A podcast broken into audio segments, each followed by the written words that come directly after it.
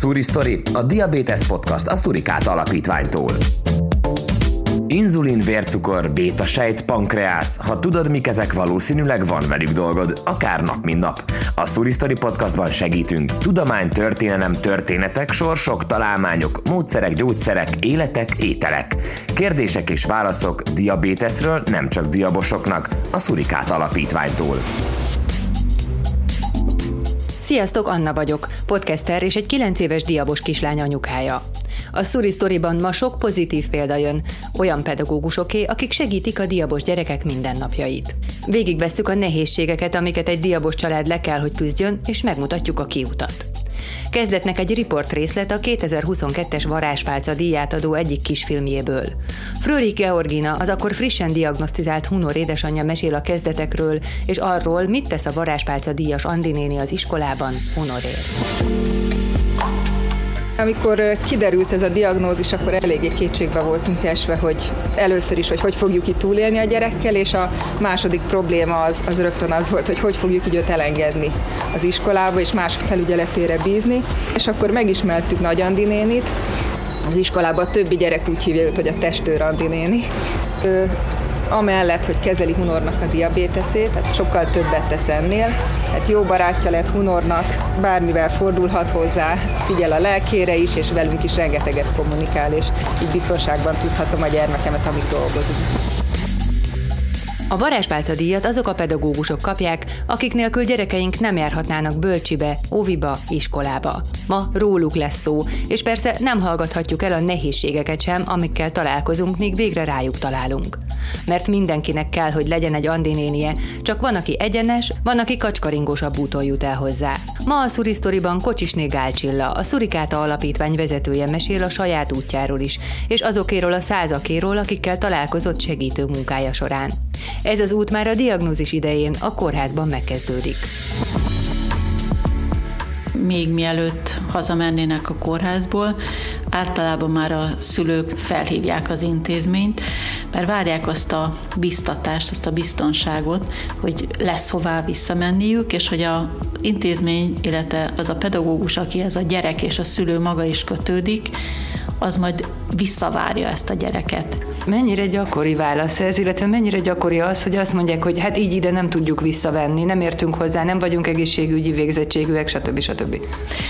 Kicsit ellentmondásos a helyzet, nem lehet megmondani. Az első reakciók általában pozitívak és támogatóak, de eltelik egy pár nap, és ez a helyzet van úgy, hogy megváltozik. Talán nem tudom, utána kérdez, utána olvas, átgondolja a pedagógus vagy az intézmény, és megijed ettől az egész betegségtől, mert nem ismeri. És ez okozhat egy akkora ijedelmet benne, hogy elkezdi elutasítani. Ezt ti személyesen is megéltétek a te kislányoddal annak idején. A személyes történetünkben az volt a nehézség, hogy ezt az óvodavezető nem akarta mindkét óvónéni, Nóra néni, Irénke néni, és még a Dadus néni, a Marika néni, aki még a leges-leges-leg rátermette volt a csapatban, mindannyian azt mondták, hogy szívesen megtanulják, nézték, nyúltak a, a pen után, a, a vércukormérő után, tehát nem volt semmi elutasítás, itt az intézményvezető részéről volt egy félelem, egy teljes elutasítás, aki meg is tiltotta a, a pedagógusoknak, hogy ezt a munkát elvégezzék. De ez ugye ilyenkor nagyon nehéz egy szülőnek, mert érzi azt, hogy nem akarja annyira az óvoda, akkor ugye oda erővel benyomni, arra hivatkozással, hogy a törvény már pedig kötelezi az óvodát arra, hogy fogadja ezt a gyereket, abban nincs sok köszönet, mert ha kelletlen vagy fél az óvodapedagógus, akkor nem fog úgy gondoskodni a gyerekről, mint hogyha vállalja és akarja, nem? Vagy mit lehet ilyenkor csinálni egy anyukának? A valóságban ez 11 évvel ezelőtt nem volt törvényi előírás, nem lehetett itt taxatíven megmutatni azt a jogszabályi helyet, levezetni le lehetett, de erre azt mondta az óvoda vezető, hogy őt ezek a jogszabályok nem nagyon érdeklik. Nyilván kell, hogy érdekeljen.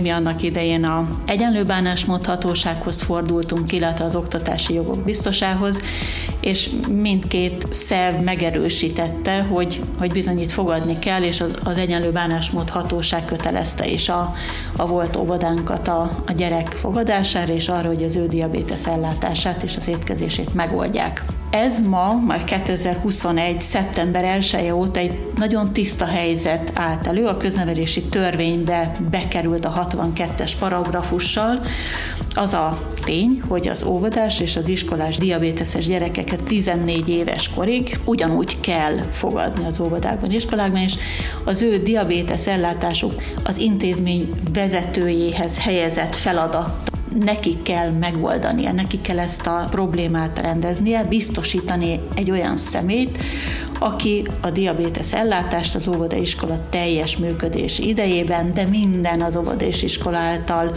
szervezett egyéb programok, gondolok itt kirándulásra, erdei iskolára, valamiféle délutáni szakkörre, ebben az időben is biztosítania kell. Tehát innentől kezdve nem kérdés, hogy a diabéteses gyerek diabétesz ellátását el kell látni. A kérdés csak az, hogy ki lesz az a személy, aki ezt felvállalja. Ma már nem csak egyes pedagógusok, hanem egész intézmények vannak, akik deklaráltan vállalják a nehézségekkel küzdő gyerekek ellátását. Hogy miért? A válasz a Varázspálca díjas mozdonyvezető utcai óvodából érkezik, ahová a 2022-es filmforgatás idején egyetlen csoportba 14 speciálisan táplálkozó gyerek járt, köztük 4 diabéteses. Mert hogy ezt is meg lehet oldani. Jámbor Andrea, Lina édesanyja. Nagy könnyebbség volt, amikor ide kezdett járni Lina, mert nem kellett abszolút az alapoktól kezdve átbeszélni a részleteket, hanem látszódott, hogy a tudás az megvan. László Lili Anna volt mozdonyvezető óvis. Mindig, amikor ettünk, akkor nekem kicsit várnom kellett, mert megmértük a vércukromat, és elővettem a pumpámat, és mondták, hogy mennyit írjunk be. Kállai Barnabás. Van, amikor ugyanakkor eszek, mint a többiek, van, amikor máskor. Hát, nehéz. Például az, hogy beadunk inzulint a túródudira, és nehéz azt kivárni, míg megeszem. Dobosné Nagy Zsóka igazgató. Én is olyan édesanyja vagyok, akinek a kisebbi gyerek ezzel küzdött, tejallergiás volt a gyerekem, tehát nekem személy szerint is fontos volt, hogyha egy szülő ezzel a problémával jelentkezik nálam, akkor tudjak rajta segíteni. Mozdonyvezető utcai óvodát azért jelöltem a Szurikát Alapítványnak a díjára, mert nagyon kiemelkedő az a hozzáállás, amit ők tanúsítanak minden ételérzékenységgel bíró gyermek ellátásában, és azt gondolom, hogy ez nagyon megnyugtató a szülők számára, amikor egy intézménybe bízzák a gyermeküket. A diabos szülők találkozhattak régebben azzal is, hogy az iskola Ovi fogadta ugyan a gyerekeket, de azzal, hogy anyuka jöjjön be beadni az inzulint. Ma már ezt senki sem kérheti nem, ilyen, ilyen eset nem lehet, mert hogy ha nincs olyan pedagógus az intézményben, aki ezt szívesen és önként felvállalná, akkor van a B megoldás, az intézménynek a védőnőjének vagy házi gyermekorvosának kell a diabétesz ellátást biztosítani. Mert akkor nagyot fordult a világ azért ezzel a 2021-es jogszabályváltozással, mert egyértelmű lett, hogy az óvoda nem zárkózhat el, és az iskola sem zárkózhat el. Mennyire segíti ez vagy mozdítja elő azt, hogy a pedagógusok megtanulják kezelni a diabéteszt. Hogy látod? Például nálad a Szurikáta Alapítványnál a Diab tanodában lehet tanulni diabétesz ellátást. Többen vannak azóta, mióta ez kötelező az oviban? Inkább azt mondom, hogy tudatosabbak mivel tudják, hogy ezt meg kell oldani, ezért az intézmény vezetők is keresik azonnal a megoldást, azonnal az oktatásnak a lehetőségét, illetve maguk a pedagógusok is, mivel ez olyan tényé vált, hogy akkor ezzel most nekik foglalkozniuk kell, ez úgy helyre tette a, a dolgokat, illetve az a pedagógus, aki ezt a feladatot felvállalja, az azért egy fizetés kiegészítést kap, tehát a plusz munkáért szerencsére egy plusz juttatásban is részesül. Kocsisné Gálcsilla eredetileg táj- és kertépítő mérnök, közgazdász. Volt városi főkertész, részt vett a Szentendrei főtér felújítási munkálataiban. Alapító tagja a Főkertész Szövetségnek, és már akkor szervezett konferenciát, kertépítészeti kiállítást. Dolgozott a Dunai Poly Nemzeti Park igazgatóságán, majd a főpolgármesteri hivatalban többek közt az Andrási út fasor felújításán.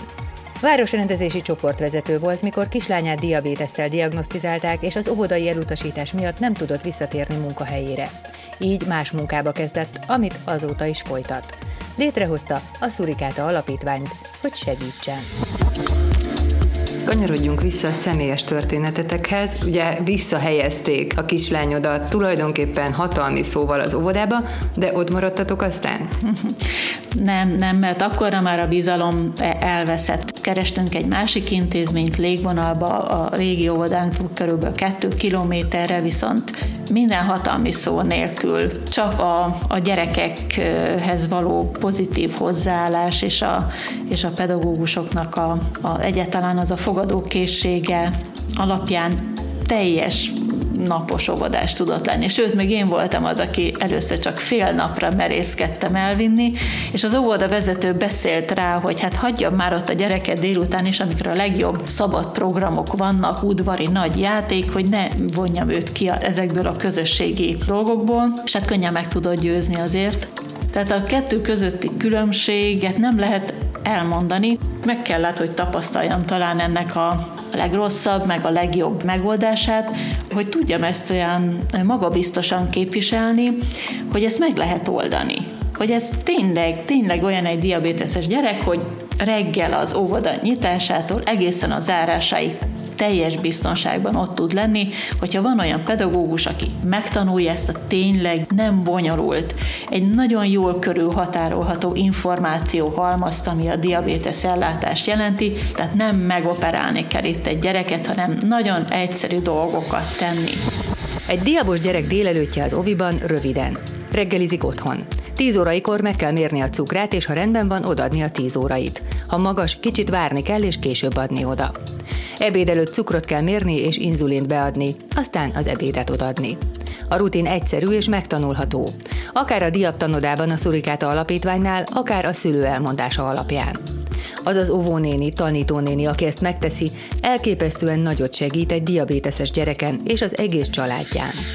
Először el sem mertem hinni, hogy láttam, hogy, hogy maga a vezető kérte fel azokat a pedagógusokat, akire ő gondolt, hogy szerinte ők látnak el a legjobban a gyerekemet, illetve amikor maguk a pedagógusok egymás között megbeszélték, hogy abban az esetben, hogyha a mi Juli nénink, aki a diabétesz ellátást fő felelősként felvállalta, bármi szabadságra kell mennie, akkor ők itt vannak, és megtanulták, és ezt ők maguk között megbeszélve rendezték.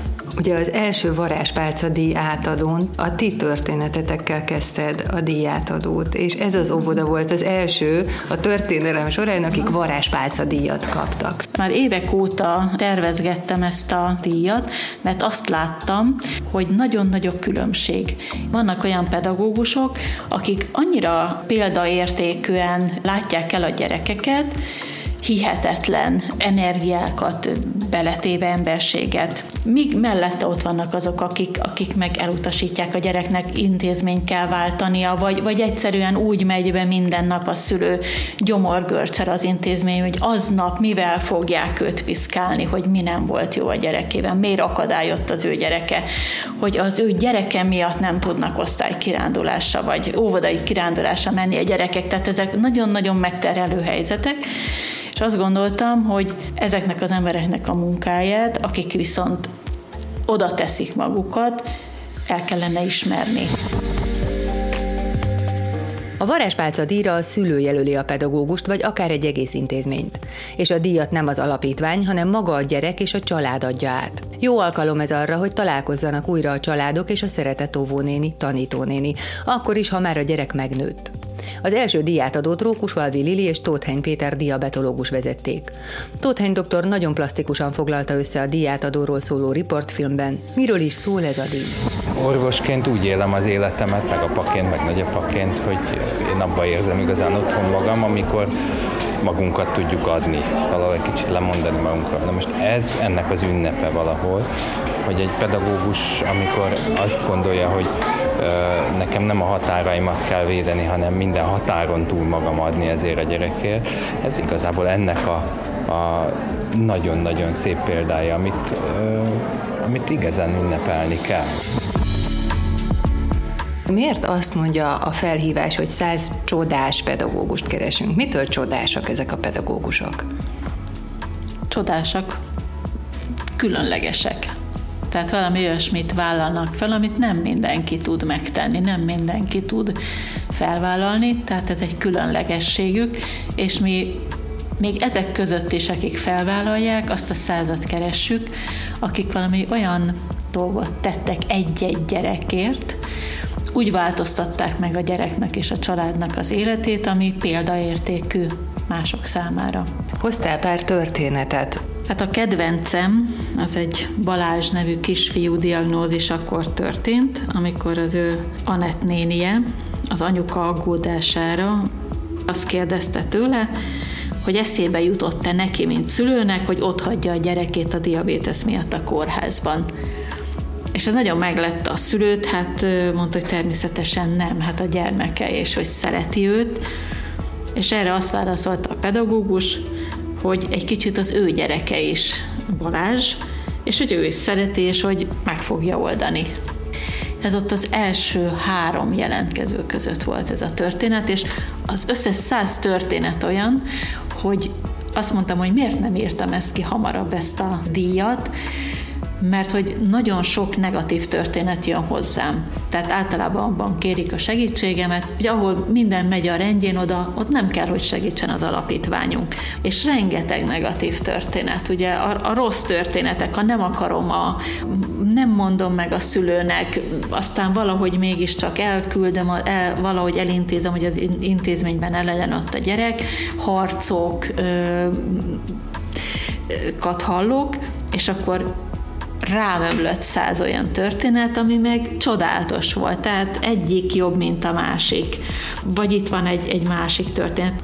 Dunakesziről egy Katalin nevű tanítónéni, aki egy Máté nevű kisfiú iskolába való visszaérkezését nagyon különleges módon segítette. Az osztályt is már felkészítette arra, hogy mi történt Mátéval, hogy miért fogja a cukrát megmérni, hogy változott meg Mátének az élete.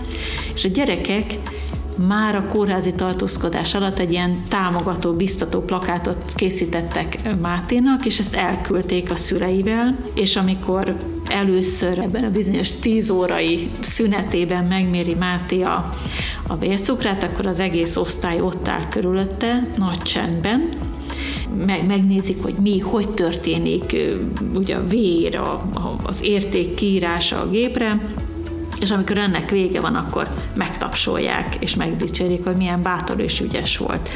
Ezek azok a, a dolgok, amik tényleg tudják segíteni egy gyereknek a visszailleszkedését az osztályba, és hogy ez a gyerek meg fogja mérni másodszor, meg harmadszor, meg tizedszer is, mert nem fogja szégyelni az ő vércukormérését, sőt, ezzel a dologgal egy picit még úgy késemelkedik a többiek közül, mert azt mondják rá, hogy milyen bátor és ügyes egy bizonyos dolog miatt, ami egy másik intézményben, ahol nem fogadják, ahol ez hátrányként gondolják, visszavetni ennek a gyereknek a, a diabétesz elfogadását, az ő önbecsülését. Tehát nem mindegy, hogy, hogy egy pedagógus milyen módon áll hozzá, mit kommunikál, hogyan támogatja vagy, vagy eltűri, vagy, vagy még kimondottan negatív dolognak értékeli ezt a dolgot.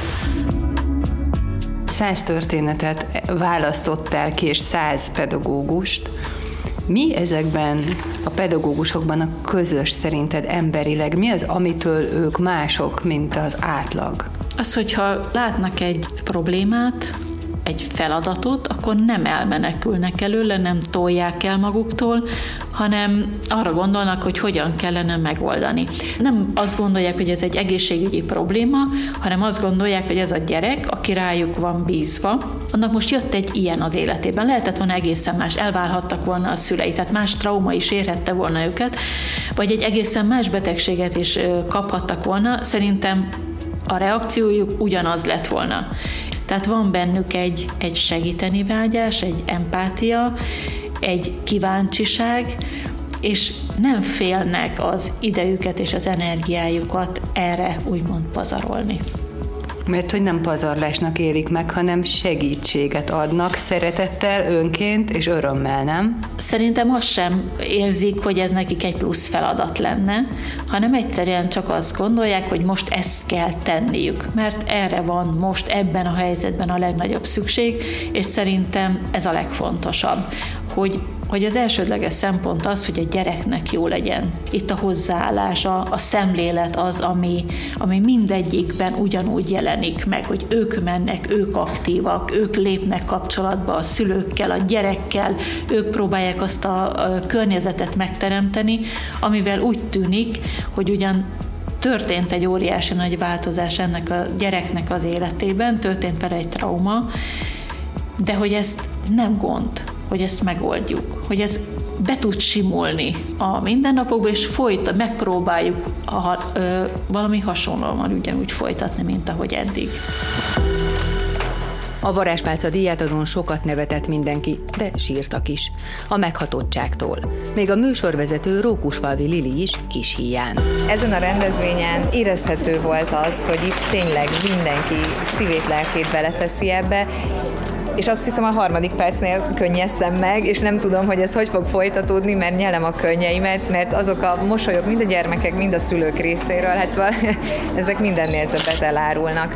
És nem egy pedagógus van, aki nem csak akkor látom, hogy meg van hatódva, amikor őket díjazták, vagy ők kaptak köszönetet, hanem a társaik iránt is, ahogy végignézik, tényleg azt látom, hogy itt potyognak az ember könnyei. Én azt láttam ott a diátadón, hogy voltak pedagógusok, akik ismeretlenül megkönnyezték a másik pedagógus díjátadóját, mikor hallották a történetet, a kisfiús, a kislány, illetve a pedagógus közös történetét, ami elhangzik ilyenkor a színpadon. Ez szerinted hogy működik? Én is sírtam, bevallom, csomószor gyakran tapasztalom, hogy maga a pedagógus, tehát az, aki nagyon közel áll és szereti a, az ő kis tanítványát, ugyanúgy átmegy azon a gyász folyamaton, amin a szülő, amikor megkapja a diagnózist. Ezáltal is átélhetővé válik számára mindegyik gyereknek az élettörténete, mert ő maga is benne van, szinte mint egy szülő ugyanúgy gondozza a gyereket, és ezért ezek a történetek az ő történeteik is csak annak egy, egy valamilyen változata, vagy annak egy, egy másik részét tapasztalták ők, vagy élték át. Érdekes, hogy mondod, hogy ő is át tudja élni, megéli ugyanazt a gyász folyamatot. Ezen mert én sokat gondolkodtam, hogy a diabétesz, a diagnózis és az azóta eltelt idő emberileg egy csomó mindent változtat az emberben.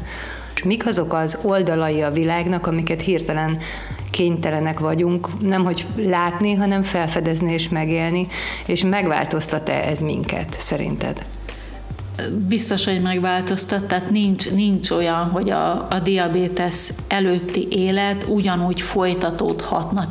Én ez kicsit úgy mondanám a diagnózist, mint, mint egy földrengést, amikor gyakorlatilag minden ledől, ami addig volt, amit, ami keretet adott, amit jól ismertünk, amiben jól mozogtunk, és aztán felépül, szó szerint felépül egy új élet a diabétesszel.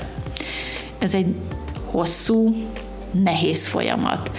Tehát az a fél, egy év, ami alatt ez napi rutinná válik, kialakul ez az új élet, és ezt el is tudjuk fogadni, hogy ez most már ezen túl így lesz, és erre rendezkedünk be minden, minden idegszálunkkal és minden működésünkkel azért az egy emberpróbáló idő. Viszont amikor letudtuk, amikor ez már felépült, és visszanézünk, és integráltuk a diabéteszt az életünkbe, akkor pedig azt mondjuk, hogy ezt is meg tudtuk oldani.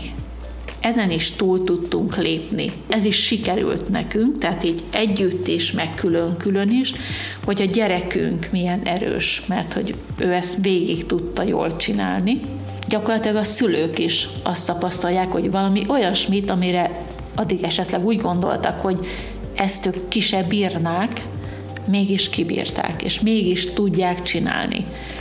Saját magam tapasztaltam, hogy amikor a COVID itt volt nálunk, betört, és, és egy ilyen teljesen ismeretlen traumaként megjelent Magyarországon, akkor azt éreztem, hogy nem vagyok kétségbeesve, mert én már egy ilyen helyzeten már túljutottam, egy hasonló dinamikájú dolgon, és hogy tudom ezt kezelni, hogy már vannak eszközeim, tehát nem a mínuszból indultam, hanem, hanem már volt egy minta számomra, hogy én már egy hasonló helyzettel meg tudtam küzdeni, tehát valószínűleg ezzel is meg fogok tudni küzdeni.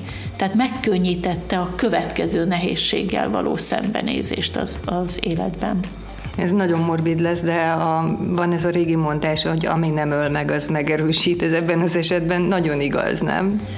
Én ezt azért így nem mondanám, azért jó lenne, hogyha minél kevesebb olyan dolog lenne, ami, ami úgymond nem öl meg, tehát azért van, van annak egy foka, amit az ember tud kezelni, és nem mindegy, hogy ezek a traumák hány milyen gyakran, vagy milyen egymás után, hogyan, vagy egymásra rétegezve, hogyan jönnek az ember életébe. Biztos, hogy nem lehet elkerülni. Nekünk a traumánk a diabétesz, de egy feldolgozott traumánká válhat. Mindenkinek van, azt tapasztalom. Tehát ezek a nehézségek szerintem megkerülhetetlenek az életben, hol kisebbek, hol nagyobbak. Mindenki természetesen a saját maga traumáját érzi a legnehezebbnek. Az a jó, akármilyen is a trauma, ha ez az ember tud segítséget kapni. Tehát a, a család mellett ugyanilyen fontos, hogy az óvoda és az iskola ott álljon a gyerek mellett, és fogadja a gyereket, és támogassa, mert ez egy ugyanilyen segítő a traumafeldolgozásban. Tehát a, a támogatói kör minél erősebb, ez a, ez a háló, ami így a család körül van, annál könnyebb a megküzdés. A Varázspálca díj fő támogatója az Eisberg. A saláta cég tulajdonosa Gazi Zoltán maga is átélt egy traumát. Rákot diagnosztizáltak nála, amelyet sikeresen leküzdött. Az első díjátadón így indokolta meg, miért segít találkoztam Csíszernéjái Mihályjal, akit viszont nagyon sokan ismernek, és eh, tőle tanultam azt, az ember élete felén eh, elkezd gondolkozni az, hogy mit hagy maga után. Arra rájöttem ekkor, hogy én azt, hogy több salátát adunk el, ez engem már nem boldogít. A saláta egy eszköz arra, hogy eh, jó ügyeket tudjunk támogatni. Én azt gondolom, hogy olyan emberek ülnek, akik nem várják a csodát, hanem megteremtik a csodát, és az, hogy a gyermekeikért mindent megtesznek, hogy nagyon hosszú életet tudjanak élni, és hozzanak ki mindent, hogy bennük van, hát egy fantasztikus dolog, hogy köszönöm, hogy itt lehetek, és örülök, hogy támogathatjuk ezt én valahogy azt is érzem, hogy a trauma megélése és feldolgozása után én például érzékenyebb lettem egy csomó mindenre, és jobban észreveszem, hogyha valakinek segítségre van szüksége, és ösztönből és szívesen segít az ember. Ez például rajtam nagyot változtatott, azt tudom. De hogy voltál ezzel? Személy szerint én mindig is érzékeny voltam így a mások problémái iránt. Lehet, hogy nem tudatosan, tehát a pályaválasztásommal, ahogy közigazgatásban kezdtem el dolgozni, közvetlenül ügyfelekkel. Egy ilyen helyen dolgozni, az nem, nem hatalom, hanem szolgálat. Itt az alapítványban ugyanezt teszem. Jön egy ügyfél, most nevezzük ügyfélnek, de családok és gyerekek, nem csinálok semmi mást, segítem őket abban, hogy a jogaik érvényesülhessenek, ezek óvodában, iskolában, vagy bárhol máshol, ahol a jogaik sérülhetnek, tudják képviselni a saját érdekeiket, és ez megkapassák a teljes segítséget, ami, amit lehetséges. A Varázspálca díjat májusban kapja meg a 100 csodás pedagógus, akiket a gyerekek és a szülők jelölnek a díjra. A jelölés február végén, március elején indul.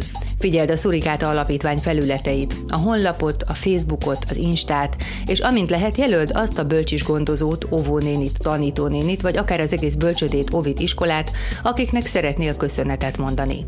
És tedd meg mielőbb, mert amint megvan a száz, a jelölési időszak lezárul. Ha szeretnéd megélni a varázspálca hangulatot, a Szurikáta Alapítvány YouTube csatornáján megtalálod a filmeket, amelyekből idéztünk a podcastben.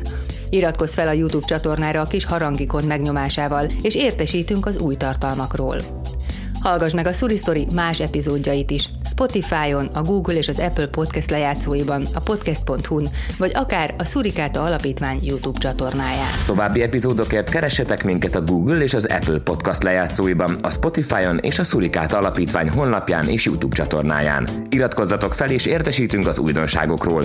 Tartsatok velünk és segítünk a hétköznapokban. Jönnek az újabb történetek, sorsok, lesz történelem, tudomány, találmányok, módszerek, gyógyszerek, életek, ételek. Kérdések és válaszok diabéteszről, nem csak diabosoknak, a Szurikát Alapítványtól. Hallgatni arany. Kreatív producer Maronics Anna, narrátor Pató Márton, Sundesign6.hu, producer Kocsisné Gálcsilla és a Szurikáta Alapítvány. Ez a podcast nem jöhetett volna létre a Családbarát Magyarország és a Metronik Hungária Kft. támogatása nélkül. Gyártja Tripvisual, tripvisual, tripaudio, tripaudio.